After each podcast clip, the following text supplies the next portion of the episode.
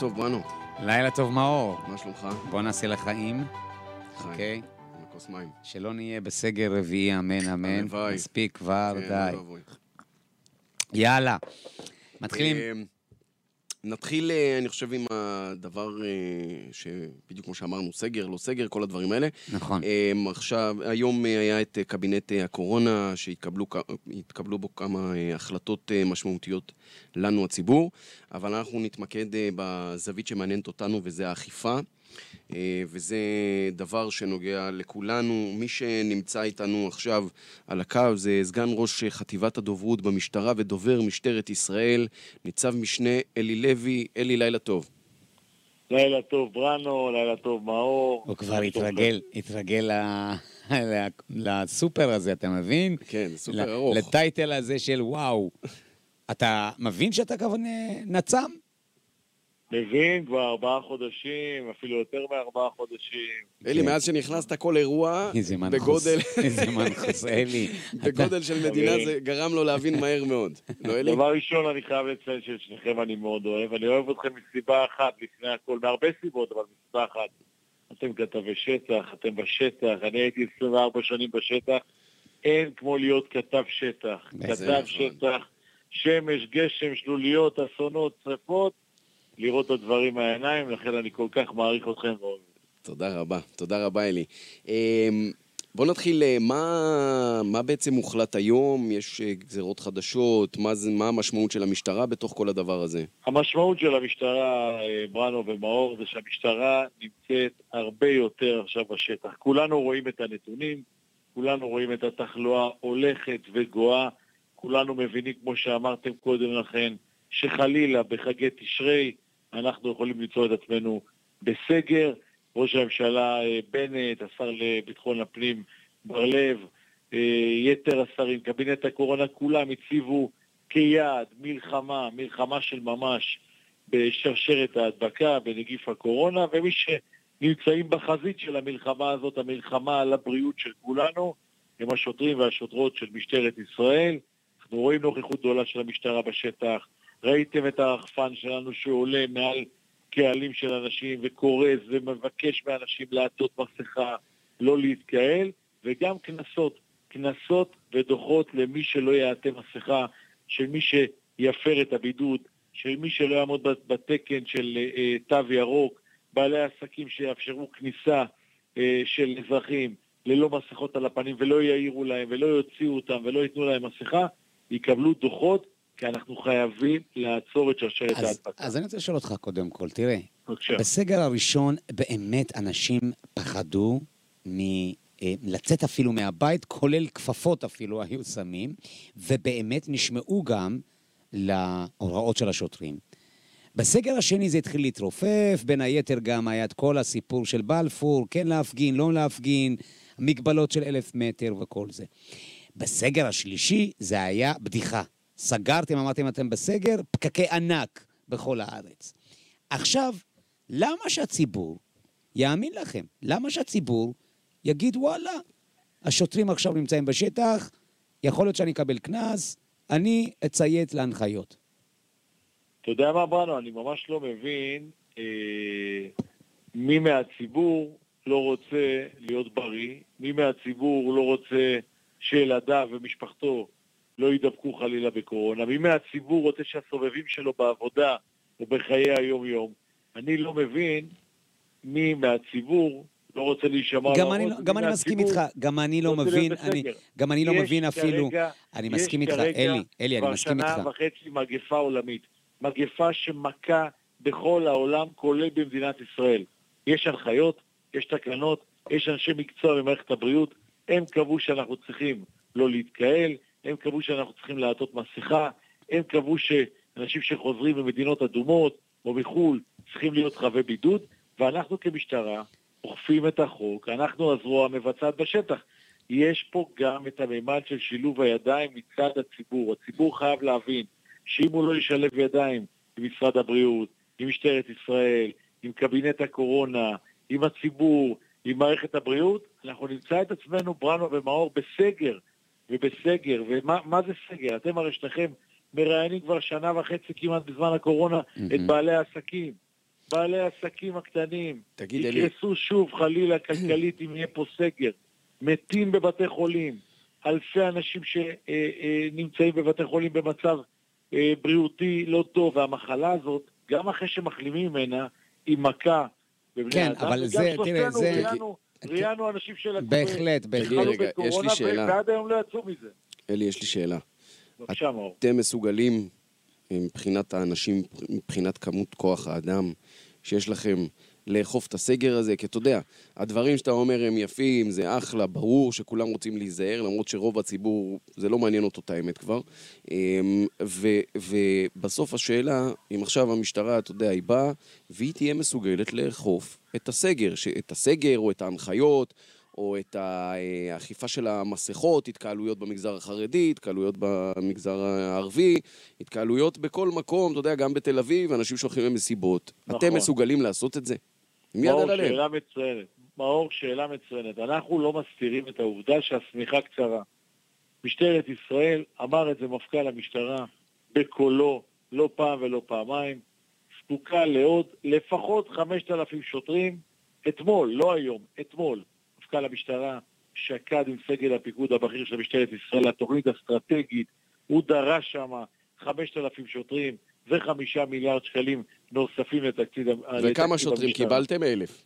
1,100 אה, שוטרים, וגם אלף היום, שוטרים. גם היום, זה מפכ"ל אומר, המשטרה- תראה, זה אומר, אבל גם תראה, היום זה אומר מפכ"ל משהו. המשטרה הודה גם לראש הממשלה וגם לשר האוצר וגם לשר כן, זה בסדר שהוא מודה. אבל אלי, בסוף. קיבלת... שנייה, אבל אני עונה לך על השמיכה הקטנה.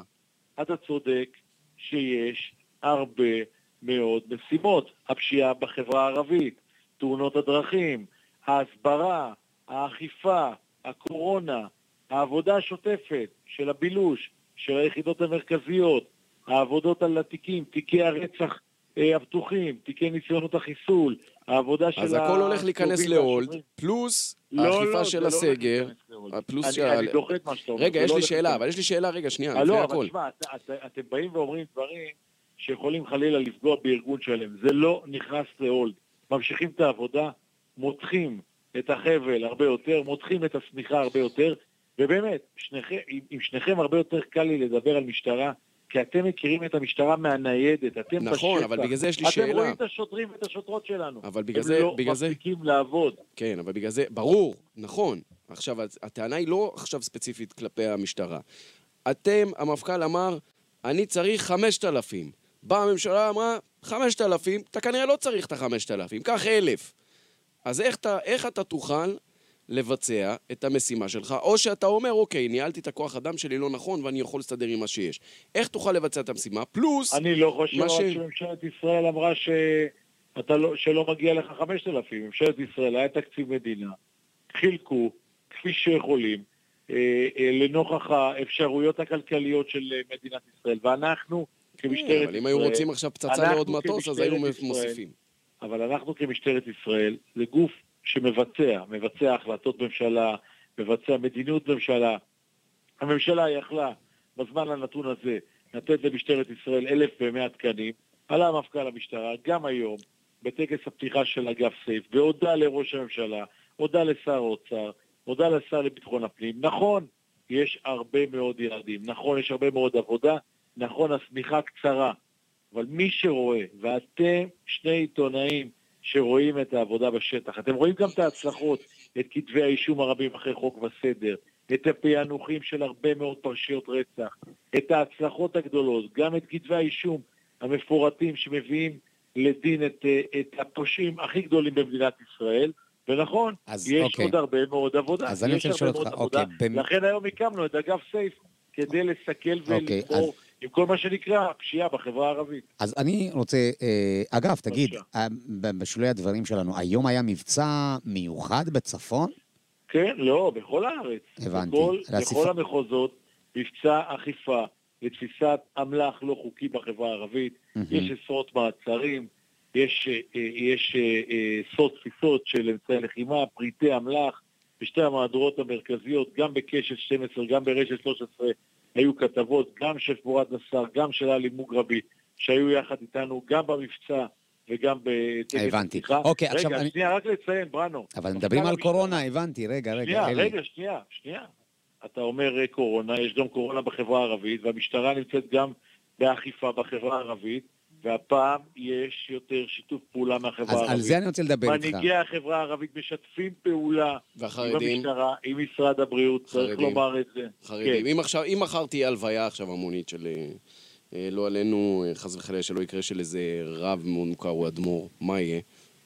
מאור, אנחנו לא שמים את הראש על הכרית וחולמים על משהו היפותטי שאולי יקרה. חלילה שלא תהיה ראינו, הלוויה, פע- ראינו אה, לפני חצי שנה הלוויות אבל ענק. אנחנו, אנחנו לא מתכננים את, ה, את העבודה המשטרתית על פי מה שאולי יקרה. הלוויה, חלילה, שלא תקרה לא לחרדים, לא לערבים, לא לישראלים, יש לא לכם, יש. יש לכם פקודת מבצע, בסדר, זה ידוע. יש יש פקודת... פקודות כן. מבצע, כמובן. רגע, אתה יודע מה? אני אספר לכם משהו. מהמם. מעבר לפקודת המבצע, יש גם את ההידברות. ומפכ"ל המשטרה מיום כניסתו לתפקיד הציב כאחד היעדים את ההידברות. אני הייתי עם המפכ"ל, בלא אחת, בלא שתיים, של פגישות עם מנהיגים, מנהיגי ציבור בחברה הישראלית, ערבים, חרדים. רק אז אתמול, בסדר, אז, אז רק אוקיי. אתמול, בראנו ומאור, מפכ"ל המשטרה, פתח בבית הספר החרדי בירושלים את פתיחת שנת הלימודים במערכת החינוך אז. בוא, רגע, אלי, אז אבל, אבל, אבל. אתה מרואיין פה, אתה לא... אז תן לנו, שמפכ"ל אוקיי, איזה, אתה מרואיין פה. רגע, אני אומר לכם... הבנו, שמפכ"ל הבנו, המפכ"ל כל לא, היום, הכל בסדר. סיפרת, תקשיב, לא, אלי. לא הכל בסדר. לא, אבל אני רוצה. לשאול אותך שאלה ספציפית, קונקרטית. אוקיי. אם מפכ"ל המשטרה יפנה למנהיגי הציבור החרדי ויבקש מהם Mm. לשמור על כך שישמרו על ההנחיות חלילה בהלוויה או בחתונה, כולם ישמרו על ההנחיות כי מכבדים אותו. ואני אומר לכם את זה באופן אישי מהשטח. אוקיי. מכבדים אותו. בסדר, עכשיו אני רוצה לשאול אותך שאלה. בסגרים הקודמים שראינו, בין היתר, תמיד יש את המצלמות שאנשים מצלמים, וזמן התגובה של זאת שאלה. המשטרה מאוד מאוד איטי, זה דבר אחד. שנית, האם השוטרים, הם, הכנתם אותם מנטלית, שהולכים להיפגש עכשיו, מגיע קבוצה של, דוגמה, אה, נערים, בלי מסכה, או קבוצה של נשים בלי מסכה. מה, מה קורה לשוטר בסופו של דבר? האם הוא, הוא יהיה נחוש כי קיבלתם הנחיה, פקודה מהממשלה, אתם צריכים לבצע?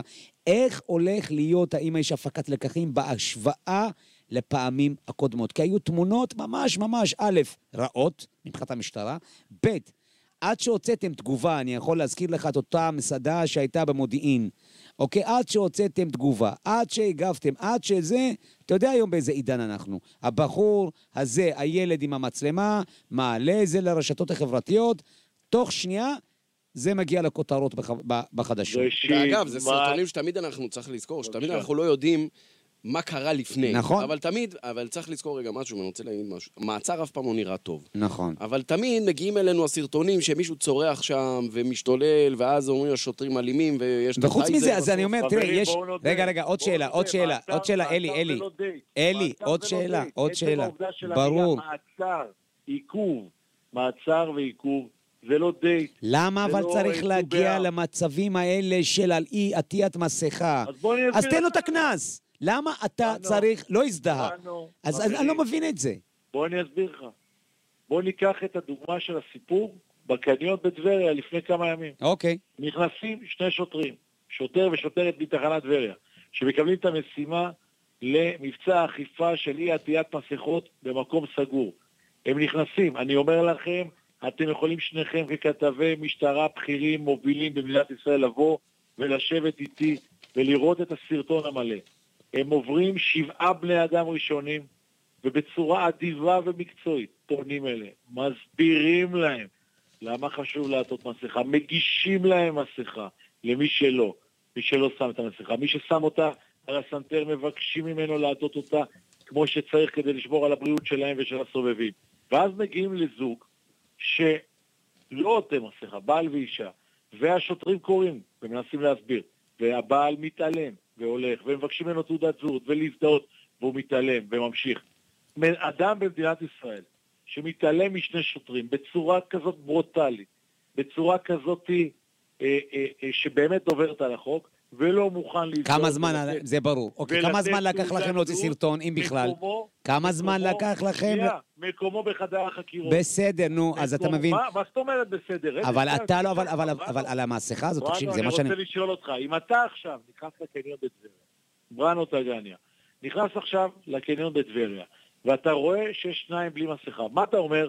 שלום אדוני בראי. נכון, אני המשטרה. אני אבקש רגע, אפילו. אין פה משטרה? למה אין פה משטרה? אז הנה, יש משטרה שמסבירה, שאוכפת, שרוצה שכולם יהיו עם מסכות. זה הבנו, אבל. השאלה... אני לא מבין, אתם, אתם מחפשים כאילו לא, אני מנסה להסביר לך, רגע. שגם באירוע שהיינו מאה להפך, אחוז- אני אומר לא, אני אומר, האם למשטרה אין, א', אין אמצעים אחרים, היא חייבת לבצע מעצר, מספיק שמצלמת אותו בפלאפון שלה. מה ו- זאת אומרת? אבל האיש ממשיך ללכת במקום סגור, בלי מסכה, הוא מסכן את הסובבים. אז תרחיק אין אותו. דבר לא, אז- כזה. אז אני אומר, אני משנה- מנסה אז לשאול. תעצור אותו. אז כן, רגע, תעצור זהו. אותו. אוקיי, תעצור עצרת, עצרת. כמה. זמן לקח להסביר לציבור שעושים פה מניפולציה? כי הרי הדבר הכי חשוב לכם זה אמון. האמון שלכם מול הציבור.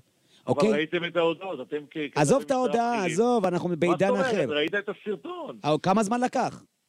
מה, להוציא את כן. ההודעה שלנו? כן, את הסרטון. כמה זמן? לקח שעה או שעה וחצי, ואנחנו עובדים על זה שזה ייקח הרבה פחות. אתם צריכים להבין עוד דבר אחד. משטרת ישראל כגוף ממלכתי לא יכולה לקחת אה, מהר אה, אה, לפרוק את המצלמות גוף ולהעביר אותם מהר לבראנו ולמאור כדי שיפרצו לשידור אה, אה, ויראו את זה. יש לנו גם את הממד המשפטי. נכון. יש לנו, אנחנו, אנחנו ארגון שצריך לאשר כל הודעה.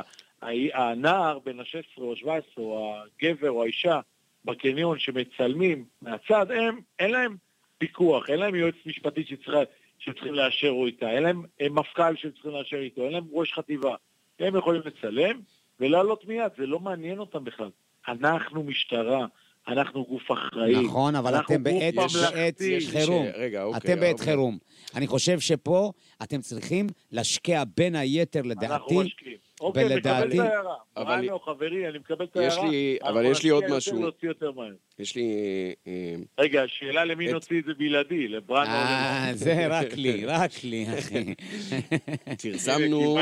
פרסם... אלי, מה זה כן. קיבלת זה? אה, אני קצת רוצה לשבור את המתח. תשמע רגע, לפני, אתמול, אה, רץ סרטון. פרסמתי ש... מה זה פרסמת? אה, פרסמנו, 200 לא, פר- 200 270 אלף דוחות Mm. שניתנו מאז תחילת הקורונה. אה, 270 אלף, כן. אה, מאז תחילת... 670,000. 670 אלף, סליחה, 670 אלף דוחות שניתנו, שחילקתם מאז תחילת הקורונה, 38 אלף מהם הגיעו לבית משפט, אנשים ערערו וזוכו. זאת אומרת, חמישה אחוז, שזה 38 אלף דוחות, שכנראה שוטרים אה, טעו, או טעו, לא או עם יד. קלה על ההדק. הם אמרו בחלקם גם לאזהרה, הם לא בהכרח זוכו. אבל זה, לא זה, בהכרח זוכו. תראה, זה מספר מאוד מאוד גדול, מה זה אומר? בן אדם צריך להגיע לבית משפט, צריך להתנהל מול המערכת, ובסוף, או שהומרו, אתה יודע, אזהרה או משהו. השאלה, לא, השאלה, מה הלקחים, מה הלקחים. שאתם מפיקים על הדבר הזה? אם, אם עכשיו אתם אומרים, מבחינתנו עטיית מסכות בגל הזה, זה האכיפה מספר אחת. אנחנו הולכים להיכנס בכל הכוח בדבר הזה. השאלה, מה, איך אתם עכשיו אומרים לשוטרים. לא כל מפגש עם אזרח כזה, אין בעיה לקנס, או מה, ש, אה, מה שהשוטר רואה לנכון בשטח. אבל איך אתם גורמים לזה שהמערכת לא תפגע באמון של הציבור ולא תפגע באנשים סתם? ניצב משנה אסי אהרוני אמר היום באולפן אה, ynet, אל תתעסקו עם המשטרה. והוא כל כך צודק במה שהוא אמר.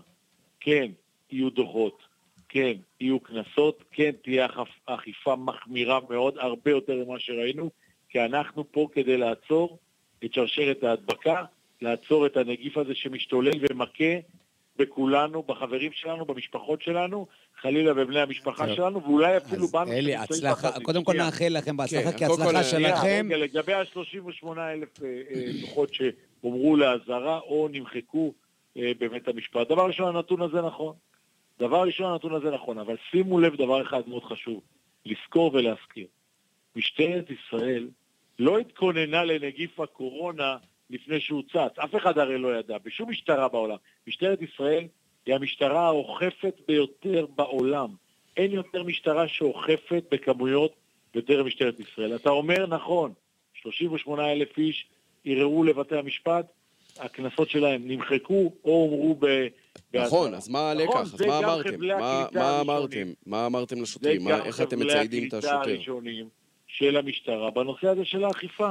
אני אומר לשניכם, ושניכם עשיתם לא מבצע אחד ולא שניים עם משטרת ישראל, אלא עשרות ומאות של שידורים ומבצעים של אכיפה של קורונה, ואתם גם תעשו בימים הקרובים, כי אני מכיר אתכם, אתם בשטח.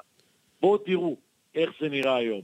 שוטר מגיע, ניגש לבן אדם בצורה אדיבה, מסביר לו, מגיש לו מסכה עם... אה, אנחנו לא נמצאים בכל מקום, אבל רגע, אני רוצה, בואו, יש לנו עוד נושא רגע, יש עוד איזה נושא. שאנחנו. רוצים לגעת בו. קודם כל, ההצלחה של... רגע. אז... אני רוצה- אני רוצה רגע, רגע בוא נגיד לו לסכם. קודם כל, ההצלחה של... אנחנו ב- אנחנו ההצלחה של המשטרה זה... דמוקרטית. אלי, בוא נגיד ככה.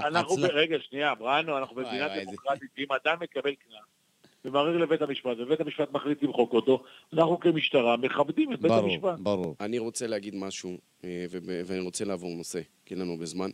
אחד, בסוף אנחנו צריכים לזכור משהו אחד. המלחמה שלנו זה לא נגד המשטרה. ברור. אנחנו לא משחקים בשוטרים שלהם, וגנבים. של הבריאות שלנו. אנחנו נלחמים כולם נגד הנגיף. כן. וזה גם קצת לא פייר כל. המשטרה. אבל... ההצלחה, רגע.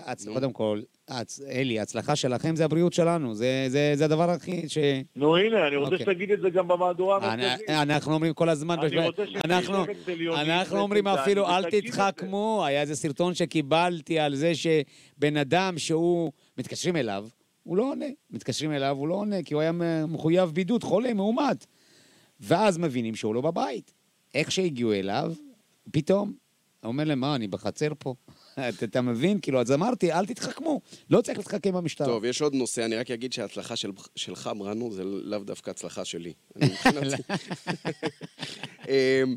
תשמע, אלי, עוד נושא. אתמול אה, הפיצו איזשהו סרטון, אלוהים ישמור. מאוד, אה, מאוד, אה, אתה יודע, אה, מרים גבה, גם פרסמנו את זה במהדורות, אה, של שני שוטרים נוסעים בניידת, תוך כדי שהם צופים בפורנו. ויושב מאחוריהם ו- חייל, ויושב מאחוריהם חייל מתעד. שמצלם את זה, וגם השוטר אוכל דונלדס. שזה היה משהו שאתה יודע, לי, זה, אתה יודע, לפעמים זה, זה נשמע מצחיק והכל, אבל בסוף זה ניידת משטרתית. ויושבים על שני שוטרים, ותוך כדי נסיעה הם גם צופים בטלפון. זאת אומרת, כל העבירות במה הם והאפשריות... צפו? בפורנו. אה, אוקיי. אוקיי, עכשיו אתה, אתה יודע, עכשיו נתת את הדיווח, אבל אתה יודע, הורדת, אני יכול לחזור הורדת עליו. מהדיווח את מה שנוח לך להוריד. אחד, זה סרטון מלפני שנה. מה זה משנה? שתיים, אוקיי. אחד משני השוטרים כבר יצא לפנסיה לפני שמונה חודשים.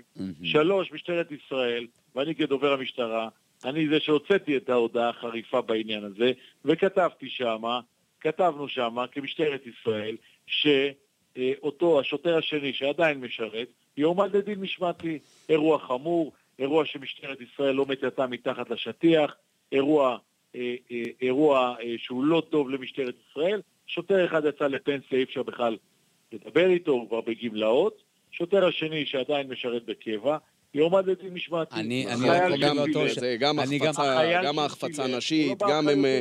גם החפצה נשית, גם הם צופים בזה תוך כדי נסיעה, זה סרטון לא טוב. אבל, אבל אני אומר, אם לא, שנייה, שנייה, אני באמת רוצה שתבינו. ארגון עם 32 אלף שוטרים, שעובדים מסביב לשעון, ועוד עם 30, אה, אה, וכמעט עוד 32 אלף מתנדבים, וחיילים שמתווספים לניידת כמו החייל הזה, ושחמיסטים, ומה לא, יש מדי כן, פעם אירועים. בהחלט, בהחלט. גדולה של ארגון, בהחלט. וגדולה של מפכ"ל, שהוא לא מטאטא מתחת לשטיח, אלא בא ואומר, חברים, יש אירוע, אני מטפל בו. מעניין איך, אני אומר, והנה הוא מטפל גם באירוע הזה. מעניין. איך הגיבה אשתו של אה, אותו שוטר ברגע שהסרטון הזה הופץ. אני אגיד לך משהו. זה פחות מעניין אותי, הוא כבר בפנסיה, הוא לא שוטר במשטרת ישראל. אוקיי, ניצב. משנה... רגע, אני רוצה רגע להגיד לכם משהו. כן. לפני... תביא סקופ, נו, כמו- תביא סקופ. לפני משהו כמו 11 או 12 שנים, ישבנו באולפן אחד, יוסי מזרחי מהצד אחד היה כתב בצפון של ערוץ 2, ואני מהצד השני כתב של ערוץ 10. ובתוכנית הראשונה עלתה אופירה אסייג ואמרה, חבר'ה, רגע, איך זה מתנהל? אז אני שואל אתכם, אני יודע איך זה מתנהל, יש את המתח הזה, 12, 13, אה, אה, זה, אבל זה יפה הקונספט הזה ששניים, שאיך פעם אמר אה, דני נישטיס המנוח, מתחרים על המסך, חברים חד במיקרופון. אז משמעית. חד. משמעית. תודה טוב, רבה, אלי. ניצב אוהב משנה- חברים, אלי לוי. תודה רבה על הכל. תודה רבה לך. תודה, אלי, בהצלחה, תתקשר וכמובן, אחרי השידור, הבטחתי לך בלעדי. אין בעיה, נפתח את המהדורה מחר, תראה אחרי כן. זה מה יהיה. מאורי אוהב אותך, ביי יאללה, ביי, חברים. להתראות. ביי.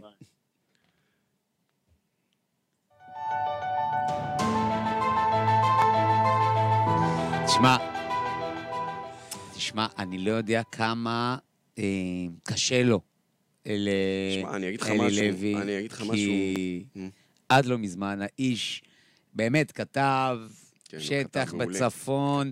היה מסתער על המשטרה והיה מחפש את הוא- המחדלים. הוא היה- הוא היה הצפון. הוא, כן, אלי לוי, זה הוא היה. צפון, כאילו, והיה היה- מביא... לא, אבל אני אגיד לך משהו שאני... עזוב רגע אה, את אלי, אני רוצה לדבר על המשטרה, על השוטרים. אני, אני חושב שהם מה זה מתבאסים, כי תראה, המשטרה בסוף זה גוף שאמור להילחם בפשע. ובארגוני פשע, ובתאונות דרכים, ולעשות הכל כדי למנוע, ועכשיו עוד פעם מחזירים אותם לאכוף את האזרח, את האנשים הנורמטיביים, את האנשים שלא עשו כלום, והרבה פעמים המפגש הזה עם השוטר, בן אדם נורמטיבי שלא שם מסכה והוא נלחץ, או שהוא בעצבים, או שהוא לא הזדהה, לא משנה מה, בסוף יוצא לך מצב שאדם נורמטיבי יכול להיכנס למעגל הפלילי, אתה מבין? יכול להיפתח לו כן, תיק, מגיע קורונה. לניידת, סירוב מגיע לפקודה, לתחנה. הם לא יגידו בגלל קורונה. זה נורא, זה נורא, אתה יודע, זה מצב נוראי, ו- ושני הצדדים כאן, גם המשטרה וגם האזרחים צריכים לקחת ולהבין שבאמת יש לנו אחריות על כולם, והמלחמה היא לא סתם נגד השוטרים, נגד הממשלה והכל. בסוף יש פה נגיף, אני ועדיף חושב, לשמור על אני, הבריאות אני של חושב כולנו. קודם כל, אני חושב, זה ביקורת, אם תש- תשאל אותי, גם למפכ"ל, גם לשר לביטחון הפנים, שהם לא דפקו על השולחן ולא הפילו, או יותר נכון, העבירו את מרבית העבודה של האכיפה לגבי המוניציפלי, נכון, העיריות, לפקחים. אתה צודק ערים. עשירות כמו ראשון לציון, כמו תל אביב, כמו... ראשון לציון אתמול חילקו קרוב ל-300 דוחות, אגב, לא, הפקחים. אני אומר, בדיוק. היו, זה יש, מטורף. הי- היו, המדינה, למשל, שר לביטחון הפנים, היה צריך להתעמת מול איילת שקד, שרת הפנים, שתקצה משאבים מהמשרד שלה, ויגייסו באופן אוטומטי סטודנטים שאין להם מה לעבוד, להכשיר אותם רק דבר כזה. הרי בסופו של דבר אתה לא צריך לחלק הרבה דוחות. לא צריך את המעצרים האלה, אני לא מאמין במעצרים האלה של בן אדם נורמטיבי, שיאזקו אותו, ייפלו עליו, כי באותו רגע, כמו שאתה אומר, מה קורה באותו רגע שהשוטר אומר לו, תביא, תזדהה ולא תזדהה? הוא רואה מולו אדם פלילי. הוא לא רואה מולו, כי... כי הוא, הוא לא עושה סוויץ'. זה המערכת הפעלה של זהו, המשטרה. הוא לא עושה סוויץ'. הוא אה, רואה, אוקיי, הוא הוא לא הזדהה. אנחנו הולכים בכוח. אתה יודע, הוא לא... שמע, אני לא מקנא בשוטרים, באמת, זה נורא מבאס, זה אנשים, לא, בסוף זה אנשים כמונו, עזוב כמוני, השוטרים, כמוך. אני אין לי בא... אני, שוב אני אומר, אבל כן, אתה צודק, לביטחון השר הפנים, לביטחון פנים, היה צריך בר לב, זה. ביחד עם המפכ"ל, היו צריכים לעשות פה, באמת, אני אומר, לחזק, משרד, המשרד, מש- משרד הפנים היה צריך לגייס מספיק פקחים, יכלו לארגן ולהיערך לזה, וזה טעות. ועוד סיפור מדהים, ו- ואני לא מסכים עם אלי שאומר, כי בסוף, ברגע שראש הממשלה מנחית על משרד לביטחון הפנים, מה שמעניין אותי כרגע בסדר העדיפות, הכי הכי בטופ, זה האכיפה. ברור שזה בא על חשבון... ונותנים לו אלף שוטרים. אתה מבין? הם ביקשו חמשת אלפים, נתנו אז להם אלף. עד ההכשרה, אני אומר, יש זמן גם עד ההכשרה של השוטרים האלה. בסדר, לא משנה, זה תקנים, זה- זה זה כוח. בא על חשבון של חיי אדם. בואי, אני אספר לך, תראה, אני אני מסיים איזה סיפור מדהים, שאני שמעתי אותו, אגב, לא לפני הרבה זמן, ואנחנו שנינו כתבים פליליים כבר שנים. למשטרה אין כמעט ניידות בהרבה ערים. ברור. אין להם ניידות, אין להם כסף לניידות. נכון. הניידות הן של הרשות המקומית. נכון. לדוגמה, בראשון לציון, הם לפחות שש או שבע ניידות שיש למשטרה, העירייה נותנת להם. זאת אומרת, היפותטית, אם עכשיו ר- קם ראש העיר ורב עם מפקד התחנה, הוא יכול לקחת אומר, את זה. הוא אומר, איפה? איפה? בוא'נה, הניידות, תחזיר לי אותם, אין לך ניידות. נכון. ואז יוצא מצב שיש לך שתיים, שלוש ניידות שמסתובבות בכל ראשון לציון, עיר של 250 אלף תושבים. נכון. אתה מבין באיזה מצב הזוי? אז בסדר, אז כל הזמן אומרים, באים בטענות לאכיפה, לשוטרים, לזה. צריך לזכור שמישהו מלמעלה אחראי לתת להם את הכלים, לצייד אותם, לתת להם כוח אדם, ו- כדי שיוכלו לשמור על אני הביטחון רוצה של להגיד כולנו. לך, שנים אגב, שנים מערכת הבריאות אמרה, מרעיבים אותנו, מרעיבים אותנו, לא מתקצבים, לא מתקצבים. הבעיה במשטרה, אני אומר לך, שהם פשוט שותקים, מצדיעים, ובמקום, אתה יודע שהצבא שאתה נוגע לו בתקציב, אתה יודע איזה, איזה דברים אתה רואה מלחמת פתאום? עולם. מלחמת עולם. תרתי משמע. ובדיוק, אבל פה, במשרד לביטחון הפנים, אני מקווה שהשר הזה, הוא יהיה הרבה יותר, אתה יודע, לדפוק על הוא גם השולחן. מטכ"ליסט, הוא אבל יש לו אוריינטציה צבאית, עזוב. יש לו אוריינטציה, לא יעזור כלום. האיש היה מפקד סיירת מטכ"ל, עם כל הכבוד. אני לא יודע אם יודע. טוב, יאללה. טוב, זה הזמן באמת. כן, מה יש לנו עכשיו? אה, את הסיפור... אה, וואל, תקשיב. אוקיי, במעבר חד כמובן, כן, כן. אבל עם קשר מאוד... אה, ביום שני אני קובע סוף סוף ארוחה עם חבר שלא ראיתי אותו שנים. הוא איש עסקים שמסתובב בעולם. אני תמיד, אני אומר, יום אחד אני אגלה שאתה איש מוסד. כאילו, לא יכול להיות. הוא, הוא אמר שסיים את הבידוד שלו, יש פגישה, אנחנו הולכים להיפגש, והחבר השלישי אה, אומר, יש ארוחה, אחלה ארוחה אני מזמין, הוא אומר לי שהוא הזמין פיצה, מגש פיצה, זה הארוחה. שלושתנו אמורים להיפגש בבית של חבר, בדרך טלפון מהמקור, אומר לי, תשמע, ירו באישה בבת ים, מצבה כרגע נראה לנו קשה, היא קיבלה, חטפה כדור בראש. וואו, אני בחצר של החבר, כבר הגעתי. הפעם, לשם שינוי, הקדמתי, בדרך כלל לא מקדים. בחצר שלו, אני מתקשר לעורך, גיא סודרי, אני אומר לו, תקשיב, יש לנו ירי, אמרו אישה, פגעו באישה, אני לא יודע מה, זה בגדול שתדע. אוקיי, אוסף נתונים. תוך ארבע דקות האירוע מתברר, אבל אין להם מושג. אין להם מושג אם זה פח"ע, אם זה הרקע לאומני, אם זה אה, אה, התכוונו אליה, או שהיא נקלעה לזירה, לא ברור. בת ים, פורצים בשידור, ואז נוסעים אל כיכר הבנים בבת ים.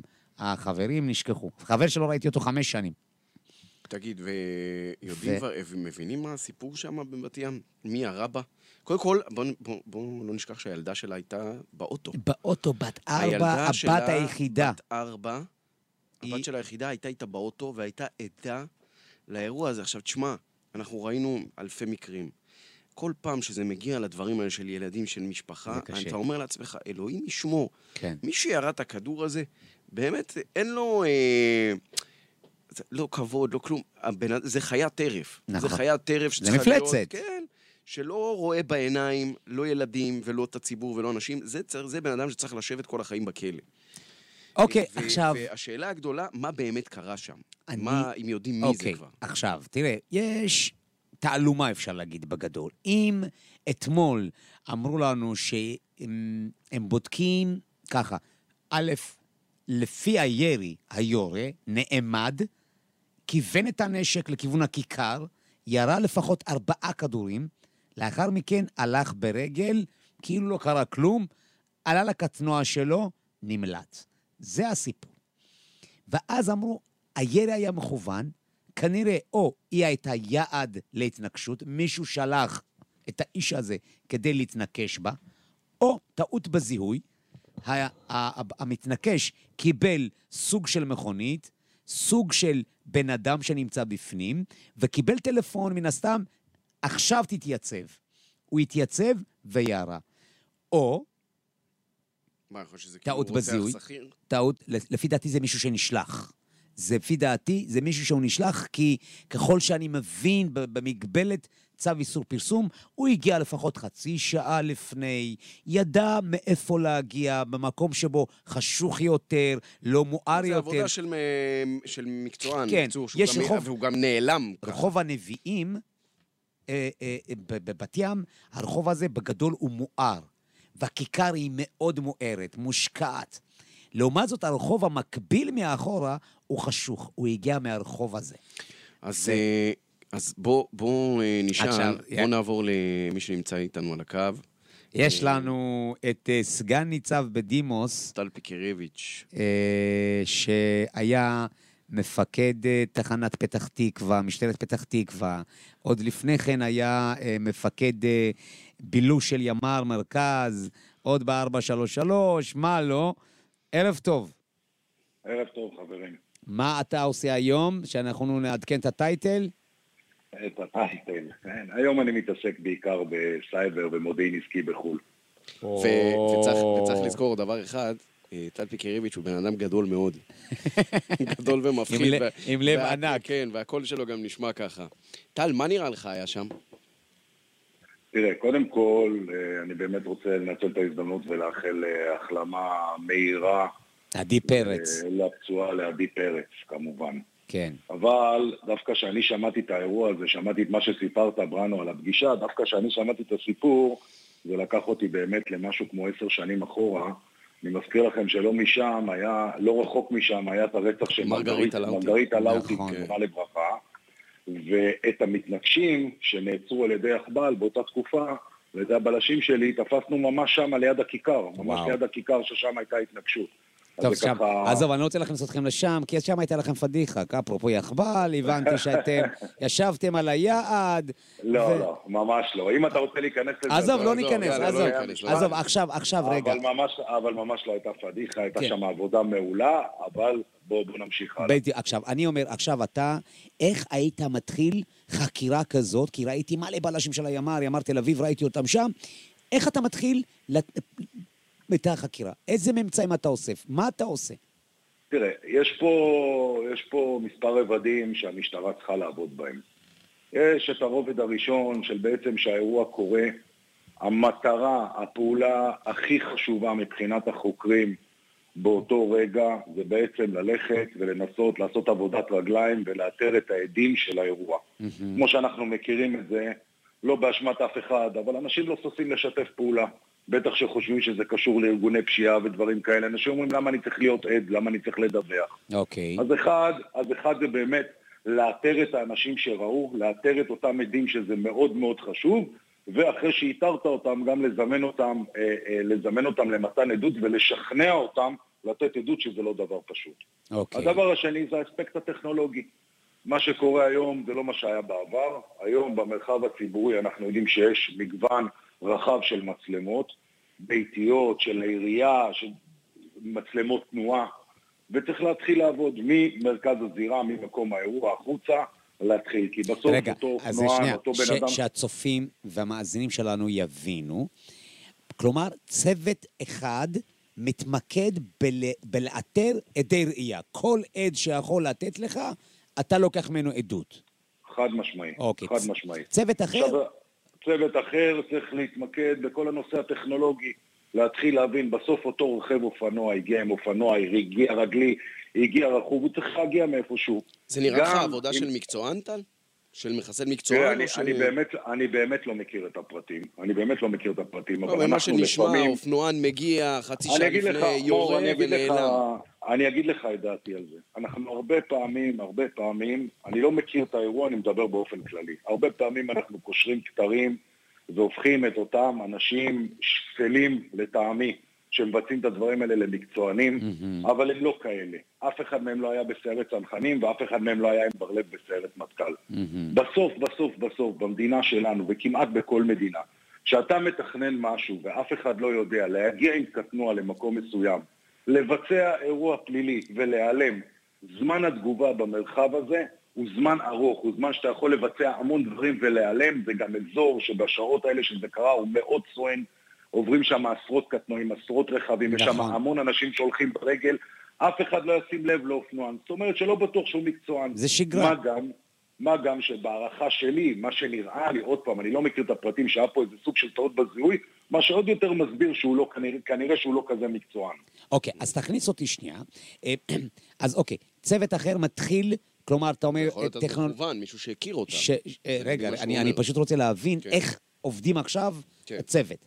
אה, צוות אחר, אתה אומר טכנולוגי. איזה נכון. טכנולוגי? חוץ ממצלמות אבטחה שאתה מחפש בכל הרדיוס, מה עוד אתה אז עושה? יש, אז, יש, אז יש צוות שעובד טכנולוגי באמת ב- ב- בלאתר את, המפ, את המצלמות ואחר כך להוציא צווים לאותם מקומות ולהוריד את הסרטים, או לחילופין אם זה של העירייה או של המשטרה, אז להביא את אותם, להביא את אותם תוצרים של אותם שעות, קודם כל שיהיה את התוצרים ביד. כמובן שהמשטרה בשנים האחרונות הלכה, אה, אה, הלכה והתקדמה מאוד בכל הנושא של הסייבר, אז כמובן שמתחילים לבדוק את כל הנושא של הסייבר. אה, זה לא סוד, אפשר לדבר על זה, איכוני טלפונים, כל מיני דברים אחרים, כל מיני אה, אה, טכנולוגיות שקיימות היום במשטרה, שזה צוות שמתחיל לבצע את זה מאותו רגע, ממש כמו לוחץ על כפתור פאוז, מקפיא מצב של כל הענן הטכנולוגי שנמצא מסביב, כל ה... לצורך העניין, כל הטלפונים, כל המספרים, כל התקשורות, כל התשדורות, מקפיא מצב מאותה נקודה ובעצם מתחיל לתחקר את זה אחורה ולעשות הצלבות. זה ממש, ב, זה ממש באותם רגעים של הזירה. ויש כמובן צוות ראשוני שניגש ראשונית למשפחה. ואז פה למעשה, לאחר שאספת את הממצאים הראשונים ויש לך את הדברים הראשונים, מתחילים לבנות את הפאזל. שגם הפאזל פה מתחלק בגדול לשני רבדים. יש את הרובד האישי, אה, אה, ולמעשה את כל שאר הדברים. קודם כל, בודקים את הרקע. מי האישה, מה האישה, מי המשפחה שלה. יש קשר לכאורה שיכול לסכן אותה. הרי בסוף תזכרו, אה, זה יכול להיות כל דבר, זה יכול להיות גם סכסוך בין בעל לאישה, לכאורה, אני עוד פעם לא מכיר את הפרטים, לא יודע כלום, אני מדבר ממש באופן כללי, יכול להיות סכסוך בין בעל לאישה, יכול להיות סכסוך עם מישהו אחר, יכול להיות סכסוך על רקע כלכלי. שנייה, אבל אז, אז רגע, לה... זה מעניין מה שאתה אומר כרגע, אבל צוות השנה הטכנולוגי, חוץ ממצלמות אבטחה, יש משהו שאתה עושה איכון, אתה מנסה, דוגמה, מי נכח... זה לא, זה לא צוות שבשטח, זה צוות שיושב, זה צוות שיושב בסייבר במשטרה. באגף, ה... בחטיבת הסייבר. לא, אני מדבר איתך עכשיו, שמונה ושתי דקות ירו בה, אוקיי? כן. אתה מבין שזה אירוע, כי ראיתי אני הגעתי שם בשמונה וחצי בערך, ראיתי את כל בלשים של הימ"ר, החברים נכון. שלך לשעבר. כלומר, נכון. אוקיי, צוות אחד עושה, אמ, אתה אומר, טכנולוגי. אז מה, נכון. הצוות הסייבר בזמן אמת מתחיל לשחזר אירועים? חד מתחיל... משמעי, מקפיצים, יש כוננים. החבר'ה שמאיישים את הסייבר, יש להם תמיד כוננים 24-7, הם עובדים, אבל לצורך העניין, באירוע כזה מקפיצים אנשים נוספים, ומתחילים לנתח ולהרים את הנתונים. אוקיי. בהתאם לזירה, להקפיא מצב. אוקיי, עכשיו, הדבר המעניין שאמרת, דיברת על מתחילים, כבר בזמן אמת אתם מתחילים להרכיב את הפרופיל האנושי של, במקרה הזה, אה, עדי פרץ? כן, כי מעניין מה שאתה אומר. כי, כי בשביל להבין, הרי בסוף יש הבדל גדול. יש הבדל גדול בין אם זה טעות בזיהוי לבין, זה, לבין משהו שהיה מכוון אליה. Mm-hmm. עכשיו, בשביל להבין לאיזה כיוון ללכת, בשביל להבין לאיזה עדויות של אותם עדי ראייה להתייחס, בשביל להבין מה צריך לחפש. לצורך העניין צריך להבין קודם כל אה, מה הסיפור. אם, אה, אה, כפי שאני מתרשם ואני לא מורה בפרטים, מדובר באישה תמימה שאין לה שום קשר ואין לה שום דבר, ונבדק הנושא של סכסוכים, ונבדק הנושא של בן זוג, וכל המעגלים החברתיים האחרים, והמעגלים האלה לא מעלים שום סימן, אפשר להבין שכנראה זה לא משהו אישי, וכנראה זה טעות בזמן. ואני אשאל אותך, פתאום מישהו ממעגל הכי קרוב של הקורבן לא עונה, נעלם. יומיים, שלושה, אתה מחפש אותו, נעלם. מה זה אומר לך כקצין שהוא די מנוסה? קודם כל זה, קודם כל, קודם כל בהנחה שבדקו למה הוא נעלם, שהוא לא פתאום בסיני. הוא לא עונה לטלפון, נותן לך אחד מהקרוב, אני לא... לא עזוב, עזוב, לא ספציפי, נותן לך מצב תיאורטי. הוא לא עונה. לא עונה לטלפונים, שובר שגרה, מה שבדרך כלל כן היה קל להשיג אותו ולדבר איתו. ברור שזה מדליק נורה אדומה, אבל לצוות חקירה אף פעם אסור להינעל בשלבים כל כך מוקדמים על כיוון ספציפי. אתה חייב להמשיך ולבדוק לרוחב. זאת נקודה טובה. מתי אתה בעצם מפריד בין התחושת בטן שלך לבין הממצאים שיש לך ביד. זאת אומרת, הלכת לשכן, דפקת לו על הדלת, שאלת אותו, תגיד, מה עשית בין שמונה לתשע? אז הוא אומר לך, הייתי עם הכלב. ואתה, יש לך תחושה שהבן אדם לא מחייך, לא מדבר לו, זה... איך אתה ננעל עליו? ומתי אתה אומר, וואלה, אבל יש לי איזה משהו טכנולוגי שמראה שהטלפון שלו בכלל לא היה באזור? תראה, אה, אה, זה, זה בדיוק העניין, אתם קצת נגעתם בזה מקודם, זה בדיוק העניין. משטרה עובדת על בסיס ראיות. משטרה לא יכולה לבוא לבית משפט להאריך מעצר, או בשלב מתקדם יותר להגיש כתב אישום על בסיס תחושות בטן ומודיעין. משטרה צריכה להביא ראיות. וזה הקו שמנחה אותה. מרגע ראשון, מרגע שהחקירה מתחילה, זה הקו שמנחה אותה.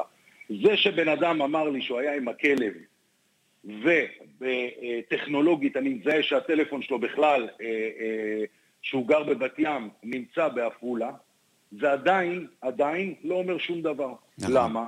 סתם אני אומר, תאר לך שאותו בחור, יש לו, הוא נשוי ויש לו מאהבת שגרה בעפולה. והוא, לא בא לו לספר עכשיו למשטרה למה הוא לא היה. הוא, mm. בגלל שהוא יודע שהוא הולך לחקירה ואולי הבת זוג שלו אחרי זה תדע מה הוא אמר בחקירה, הוא כרגע לא מוסר לך את האמת. הבנתי. אז עכשיו, לא אוקיי. ברור, ברור. זה עדיין לא הופך אותו לחשוב. עכשיו אני רוצה לקחת אותך לאנשי המז"פ. אני ראיתי, כן. אנחנו רואים כל הזמן שאנחנו מגיעים לזירה, אנשי המז"פ הם פשוט לא מניחים במקרה הזה, למשל, ראיתי אותם כל הזמן סורקים את המכונית, מלמטה, מלמעלה, מצלמים, נכנסים ויוצאים. מה, במה עוזרים לך אנשי המז"פ, אתה כראש צוות החקירה במקרה הזה? תראה, למז"פ, המז"פ שבעצם הוא אמון על האיסוף של הראיות הפורנזיות, יש חשיבות עליונה. אנחנו יודעים שבית משפט היום מתייחס לראיות פורנזיות כדוגמת DNA, אה, אה, מתייחס אליהם כראיה בעלת משקל מאוד מאוד כבד ואפילו מביאה ראיה שרק על בסיסה אפשר להרשיע בן אדם. ראו את הסיפור של רצח נועה אייל בירושלים והחשוד נכון. שנקרא 13 שנה אחרי זה. כן. אז, אז, אז יש לזה משמעות מאוד מאוד גדולה. עכשיו, מבחינת מז"פ, מז"פ זה חבר'ה מאוד מאוד יסוד, יסודיים, חבר'ה מאוד מרובעים, ואותם לא מעניין כלום. הם עובדים בשטאנץ, ולמה זה? יש לזה סיבה. הם לא יכולים לדעת מה יצוץ אחר כך, לא יכולים לדעת מה יצוץ אחר כך ומה יצטרכו, ומה הכוונה. קח את האירוע הזה, שלפי העדויות, לפי הפרטים שאנחנו יודעים, היה יורה בכלל מעבר לכביש, שירה עם האקדח לכיוון. נכון. לכאורה, לכאורה, למעט הקליעים שנמצאים באוטו, לא מעניין אותנו יותר מדי. למה צריך להתחיל לאסוף טביעות אצבעות? הרי אנחנו יודעים מי נסע באוטו, אנחנו יודעים שה, שהגברת הזאת נסעה באוטו, בטח יש שם רק טביעות אצבע שלה. אבל אולי, לילה לפני זה, אותו חשוד הגיע לאוטו ובדק אותו ובמקרה נשען עליו או כל דבר אחר. זאת אומרת, החשיבה פה היא חשיבה מאוד מרובעת. קודם כל באים לזירה, אוספים כל דבר שיש. אחרי זה נעשה את הסינון ונסדר, והרבה פעמים בגלל שאתה עושה דבר כזה, בן אדם שעמד באיזושהי פינה, ו- ואיש מז"פ מגיע ופתאום רואה על הרצפה ארבעה חמישה בדלי סיגריות, שזה יכול להיות של כל אחד שעבר שם ברחוב בשעות האחרונות, לוקח אותם ואוסף אותם. אבל אותם דלי סיגריות של אותו בן אדם שעמד שם, כמו שסיפרתם, חצי שעה לפני והסתובב שם, אולי בסוף זה יהיה אותו בדלי סיגריות שירשיעו אותו על בסיס DNA, כי יצליחו לקשר אותו. לא, אבל אתה לא יודע, אתה יודע את זה בדיעבד, שהוא היה חצי שעה. בגלל זה אמרתי, בגלל זה אמרתי שהמז"פ מגיע וסוגר את הזירה ואוסף הכל, לא מעניין אותו, לא מסנן. כל דבר שיש, כל דבר זאת אומרת, בהתחלה, בהתחלה, בהתחלה שאתם לא יודעים כלום, אם אני מבין אותך נכון, אני חושב שאני מבין אותך נכון, בהתחלה שאתם לא יודעים כלום, אין לכם מידע מודיעיני, וזה לא איזה ארגון פשע שאתם יודעים מי את השרשרת סכסוכים, הדבר הכי חשוב מבחינתכם זה הזירה, נכון? היא אמורה לספר לכם את הכל. אוקיי, חד משמעית, גם אל תשכח, אל תשכח, מאור, שהזירה זה הדבר הראשון להשתנות. כן, אנשים נכנסים, דורכים, בראנו בא עם המצלמה, דורך על ה... בראנו עוד מבין עניין, אבל באים הרבה אזרחים שלא בכוונת מכוון, מתוך סקרנות, מגיעים לזירה, עומדים שם, רוצים אוקיי. לראות, רוצים להתקרב. ובתוך כדי זה הם פשוט, אה, פשוט הורסים ראיות. לכן, אה, כשאתה לא יודע כלום, אתה אוסף הכל, כל מה שיש. תגיד, יש לי שאלה עכשיו.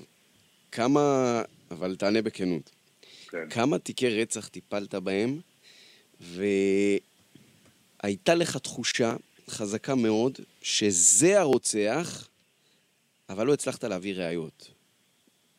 תראה, אה, בגלל ששירתתי הרבה שנים ביחב"ל, גם uh, כרמ"ח וגם כרמ"פ וגם כמפקד היחידה המבצעית, אז יצא לי, לי, לי להיות בכוחות משימה של הרבה תיקי רצח של ארגוני פשיעה, ששם הסיפור הוא הרבה הרבה יותר מורכב. ואני יכול להגיד לך שנדירים התיקים, נדירים התיקים שלא ידענו מי הרוצח, אבל גם נדירים התיקים שהצלחנו להרשיע אותו. אה, כי בסוף כי בסוף אני אומר עוד פעם... בגלל זה אתם צריכים את הכלים של השב"כ. נכון, זה עניין אחר. נכון, נכון, נכון, נכון, אה, נכון ולא נכון, ואני אגיד לך למה, מה ההבדל. תראה, שב"כ, צבא, מוסד, מספיק להם המודיעין. מספיק מודיעין. לא, אני מדבר בהתמודדות משטרה, שלכם מול ארגוני פשע. נכון, חלילה, נכון. בזה, חלילה שלא נהיה כמו בצפון קוריאה. לא, בדיוק, אוקיי. למקום של פרטיות לא, והכל. לא, אבל בארגוני פשע, אבל... תקשיב, בארגוני פשע, אני, אני אומר לך, חד משמעית, דבר כזה בשופר, אם אנחנו נגלה, זה סכסוך, כמו שאמרת, שנים האיש הזה צריך להיות בכלא, לא להיות אור יום. אם אנחנו נגלה, נכון. אז זה, דווקא המקומות, זה צריך להתייחס כמו טרור. במקומות כאלה, עבריין, מרשה... אתה נכנס לא, למשהו שאתה לא יוצא ממנו. לא, לא, לא, לא. במקרה הזה זה ככה, במקרה לא, הזה זה ככה. לא, במקרה של ארגוני פשע אני מדבר. בסכסוך בין ארגוני פשע. Mm. שאלה אחרונה... אה, אה, אה, רגע, אבל הוא לא סיים... אני רוצה להגיד רק מילה קטנה על מה שאמרת. כן, הוא לא סיים את הכותרת. אמרת, יש הרבה מקרים, יש מעט מקרים שאתה לא מצליח לגלות מי הרוצח, ויש הרבה מקרים שאתה יודע מי הרוצח, אבל לא מצליח להרשיע אותו, נכון? חד משמעי. אה, זה, זה, זה מטורף, ותגיד, ויש, תיק. ויש תיקים כאלה שהולכים איתך כל החיים? יש כמה תיקים כאלה? ברור. האופנובנק תשמע. 2. לא, האופנובנק, האופנובנק 2, במקרה הזה, במקרה של האופנובנק 2, אז דווקא כן הצלחנו לסגור מעגל. ולהרשיע את אותו שודד רוצח. אז תן לי, תיק, תן לי שנייה, תיק אחד, תן לי תיק אחד. אני קודם, לפני התיק, אני יכול לספר מה על התקרית שהייתה באופנובנק? יכול? אה, ודאי, כן, למה לא? תקשיב, סיפור אמיתי. החבר'ה שלו, הוא הרי מגיע גם מיחידת העיכוב ב-33, אז הוא אה, שלח כמה מהשוטרים שלו שהתחפשו לפקידי פאנק וכל מיני, ולבנק, אני, בנס ציונה. אני מקבל, מישהו אומר לי, תקשיב, מישהו אומר לי, אני אמרתי, כאילו, בוא, מה היו עושים? אני עם מצלמה, נכנס לאיזה בנק, בלי המצלמה בהתחלה, פתאום אני קולט חבר'ה שהם לא נראים לי פקידי בנק. שולף את המצלמה, ואני מצלם. אז פתאום אני רואה, על הקו, פיקרביץ'. הוא אומר לי, תקשיב לי טוב טוב. אם אתה משדר את הדבר הזה, אני מעלים אותך. סיפור גדול. פיקרביץ', מה, אני עובד אצלך? אתה, אני אומר, אז גם אתה יודע, פיקרביץ' שהוא מדבר, ואז הוא מזכיר לי, ואז מתעשת על עצמו, בכל זאת מדבר עם כתב. יהיה צו איסור פרסום, רק שתדע. זה... יפה. ענק. פיקרביץ', כן. אגב, הצו איסור פרסום, אמרת, אה, כשאתה מגיע לזירה, אתה שולח את הצוות מהזה, הצוות של הסייבר, הצוות של הזה, הצוות של הזה, הצוות בילוש, אבל לא הזכרת תמיד את ההוא שרץ לשופט ואומר, אני חייב צו איסור פרסום, שבראנו ומאור לא אה, ידפקו לי את זה- זה החקירה. האיש שאתם הכי פחות אוהבים. כן, כן, הוא פחות- הוא האיש. הוא האיש אם הוא- הצללים. אם הוא לא היה, זה בסדר. היינו מביימים תאונה רק שלא יספיק להגיע. אני רוצה רק להגיד, אני רוצה רק להגיד, אה, להגיד מילה בהקשר למה שאמרתם. תראו, אה, יש לנו שב"כ מדהים, שב"כ מפואר, אבל באותה מידה יש לנו משטרה מדהימה ומפוארת. תאמינו לי, תאמינו לי, שהמשטרה שלנו יכולה להתמודד עם הרציחות גם אצלנו, גם במגזר, בכל מקום. הבעיה היחידה, זה בדיוק מתקשר לדברים שדיברתם לפני כן, זה כוח אדם. בסוף, כסף. עדיפות של כוח אדם. בשביל לעבוד, רק שתבינו את הסדר גודל, בשביל לעבוד על חקירה כזאת כמו שצריך, צריך צוות של בין עשרה ל-15 חוקרים שיעבדו, עוד צוות בילוש של לפחות עשרה אנשים שיביאו עצורים, יביאו עדים, יחזירו אותם, עוד צוות כסף. של ארבעה-חמישה דסקאים. מה שעשית פה, טיפלת בתיק רצח כזה, השבתת ימ"ר שלם. מחר בבוקר קורה אירוע חדש, האירוע הזה כבר ישן, מקפיצים אותם לאירוע הבא. אם למשטרת ישראל יהיה כוח אדם בכמויות שהיא צריכה, ביחס למעלולי הפשיעה שיש פה בארץ, ביחס למטלות הבלתי נגמרות, הבלתי נגמרות של המשטרה, אני אומר לכם שאחוזי הפענוח ייראו אחרת לגמרי, כי יש לנו משטרה טובה, יש לנו משטרה מצוינת, יש לנו מפכ"ל מצוין, יש לנו באמת חבר'ה שאפשר לסמוך עליהם. עכשיו לסיפור. של אה, מאור שאל אותך, ובזה נסתיים, אה, ניפרד. מה? שאתה לא תשכח אותו אף פעם. שאלת אותו סיפור, לא, אה, שאלתי אם יש תיק רצח. כן, שהוא לא ישכח. שאתה לא תשכח אף פעם, שאתה בוודאות, אתה לא צריך להגיד את הזהות שלו, יודע שזה הבן אדם שירה, אה, דקר או לא יודע מה, אבל לא הצלחת כן. להביא אותו להרשעה. כן, אה, תראה, אם אני אגיד, אם אני אגיד את השמות, אז אה, מן הסתם... לא שמות, רק תיק, אם יש איזה עליהם- תיק. האנשים מדברים. יש, יש כמה תיקים, יש כמה תיקים שבעצם, שמלווים אותי וקשה לי לשכוח אותם. אפרופו, אפרופו, אה, כבר דיברנו על זה, אבל אפרופו, התיק של נועה אייל בירושלים זה תיק שאני אה, אה, במשך שנים זכרתי אותו, כי אני הייתי בין הראשונים שהגיעו לזירה שם, ו- וראיתי את המחזה הנורא שהתגלה לעיניי שם. שבמשך שנים סחבתי אותו, ובאמת לקח המון המון שנים לפענח אותו. אבל אני חושב שכל בן אדם נורמלי שמגיע לזירה כזאת ורואה קורבן של עבירת אלימות, אה, אה, לצורך העניין הדבר הזה נצרב בו והוא לא שוכח אותו, ובדרך כלל הוא גם נשאר פתוח, כי כמו שאמרתי, במיוחד בנושא של ארגוני פשיעה, ששם המשטרה עובדת עליהם גם בשגרה ויש לה מודיעין מאוד מאוד טוב, אה, אתה יודע מי ביצע, אבל אתה לא יכול להוכיח את זה, וזה משהו אבל, אבל שמהדהד רגע, לך כל פיקרביץ', כך ריתקת אותנו, אבל בסוף אתה כזה ככה, אני קצת מתחמק. אני, אני אחדד את השאלה. אתה יודע שיש רוצח, ידעת שהוא רצח, אבל הראיות שמספיק הבאת, בית משפט נפנף אותך, או לקח לעורכי דין, מה שנקרא אליס. לא, אתה יכול לשאול את זה, האם יש רוצחים כן. חופשיים שמסתובבים עכשיו, שאתה יודע מי הם? יש הרבה כאלה. מדהים. הרבה כאלה, כן. יש הרבה כאלה שמסתובבים, יש הרבה כאלה שהמשטרה הצליחה לשים עליהם את היד ולהרשיע אותם בעבירת רצח, או בסחר בסמים, או בהלבנת הון, או בכל דבר כזה, אבל מה שנקרא, היא תפסה אותם בנקודה אחת. יש להם עוד הרבה נקודות, יש להם עוד הרבה איקסים על החגורה שהמשטרה, שהמשטרה לא הצליחה להרשיע אותם. כן, חד משמעי. מדהים. חד משמעי. טוב, נסיים עם האופטימיות הזאת. ונקווה שאחד מהם צופה בדף פייסבוק של בראנו, בשידור חי, הוא שאל את כל השאלות האלה עליהם. נכון, בראנו? ויגיד, יתקשר אליי, תשמע, אני רוצה לעשות איתך שחזור ולהתוודות, אוקיי? אין שום בעיה, תקרא לי, בראנו, אני בא איתך. טוב, אה, טל. סגן ניצב בדימוס, טל פיקרביץ', אה, אנחנו מאוד מודים לך. זה היה באמת באמת מרתק, מעניין, אה, ולמי שרוצה לשמוע ולראות את השיחה המ- המדהימה הזאת, יש כמובן בפייסבוק ובספוטיפיי, בכל מקום אתם תמצאו, תכף נגיד בדיוק, העורכת שלנו מילה תגיד לנו איפה זה נמצא. אה, ו... ואני רוצה ש... שנסכם, או שרגע, יש לנו... קודם כל, תודה, לילה טוב. אה, ל... לילה טוב, טל. תודה. תודה רבה טוב, על השיחה המרתקת טוב. הזאת, לילה ממש היה מרתק, תודה רבה. לילה טוב. אוקיי, תשמע, זה אחת השיחות מעניינות, מרתקות שהיו לנו עם אה, טל פיקרביץ'. כל מי שפספס או רוצה לשמוע, יש בפייסבוק של זץ, הנה עכשיו העורכת ישר נוזפת, בפייסבוק של זץ. אה, יעלה גם שלי. לספוטיפיי. איך הם, איך הם יחפשו בספוטיפיי. איך אנחנו אה, נרשמים? מה, קצה איכות? אה, אוקיי, אז אה, אתם יכולים גם אה, לחפש את זה בספוטיפיי. תכף מילה, העורכת שלנו, תגיד לנו איך, כל- איך יחפשו אותנו, אבל יש בפייסבוק של מאור צור, כמובן, יש בפייסבוק שלי, תחפשו בראנו טגניה באנגלית. פחות. בעברית זה, זה של, העבוד, של החדשות, אה, באנגלית זה סגרו לך את פרטי. הדף, לא? אה? למה שיסגרו לי? יש אבל, יש מלא מתחזים מסתבר. סגרו את הדף אני אין לי של בראנו. טיק טוק, אז מסתבר זה בטיק טוק כותרת, יש. סגרו את הדף של בראנו. טוב. אה, אוקיי, בספוטיפיי זה נקרא זץ. התוכנית, אתם יכולים לחפש אותנו קצה איכות, אתם תראו את זה ותשמעו כל נסיעה שלכם, נסיעה ארוכה, קצרה, אה, תאמינו כן, לי. רק לא לגעת בפלאפון תוך כדי נהיגה. כמובן. טוב, אה, אנחנו אה, נ- נעשה ק- קצר, קצר, קצר, קצר. את... אה, אה, יש לנו עוד אה, מרואיין או שאנחנו כן, מסיימים? את אה, החוקר הפרטי שלנו. אה. יש, הוא מחפש אותנו? אוקיי, כן, אבל כן, בואו כן. נעשה מעברון. בטח.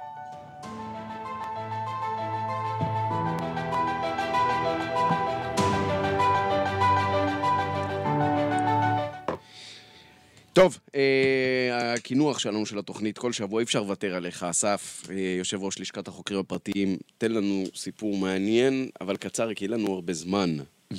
אבל שלום מעניין. חברים. מה שלומך? לילה אני טוב. אעשה את זה קצר, זה מתחיל בשיחת טלפון. מישהי מעולם הפרסום אומרת לי, תקשיב, שבוע הבא יש לי עסקה מאוד מאוד גדולה לסגור, ואני ודי בטוחה שהיריבים העסקיים שלי יעשו הכל כדי להפיל את העסקה הזאת, כולל מעקבים אחריי, מכשירי האזנה והכל. המתחרים שלה? המתחרים, אותם יריבים עסקיים, כן. אוקיי. היא הייתה בטוחה שהם יעשו הכל בשביל להפיל. באמת הייתה בלחץ, נשמעה ממש ככה בהיסטריה. סיכמנו שאנחנו נגיע למחרת בבוקר עם צוות, אה, נבדוק קודם כל אם יש האזנות בבית, נמתקן למצלמות, אה, נוציא אותה בינתיים לאותו יום לבית מלון, אה, שאחד החוקרים מתלווה עליה לרכב, לראות אם מישהו עוקב אחריה, וככה נתקדם. הגענו אליה הביתה, באמת בית מאוד גדול. אחד החוקרים מצטרף אליה לרכב, נוסעים לבית מלון, אנחנו בינתיים מתחילים לבדוק את כל הבית. אחרי שעה וחצי מתקשר אליי החוקר. אומר, תקשיב, אני לא יודע מה קרה לה, היא השתגעה לגמרי, אתה חייב לבוא מהר.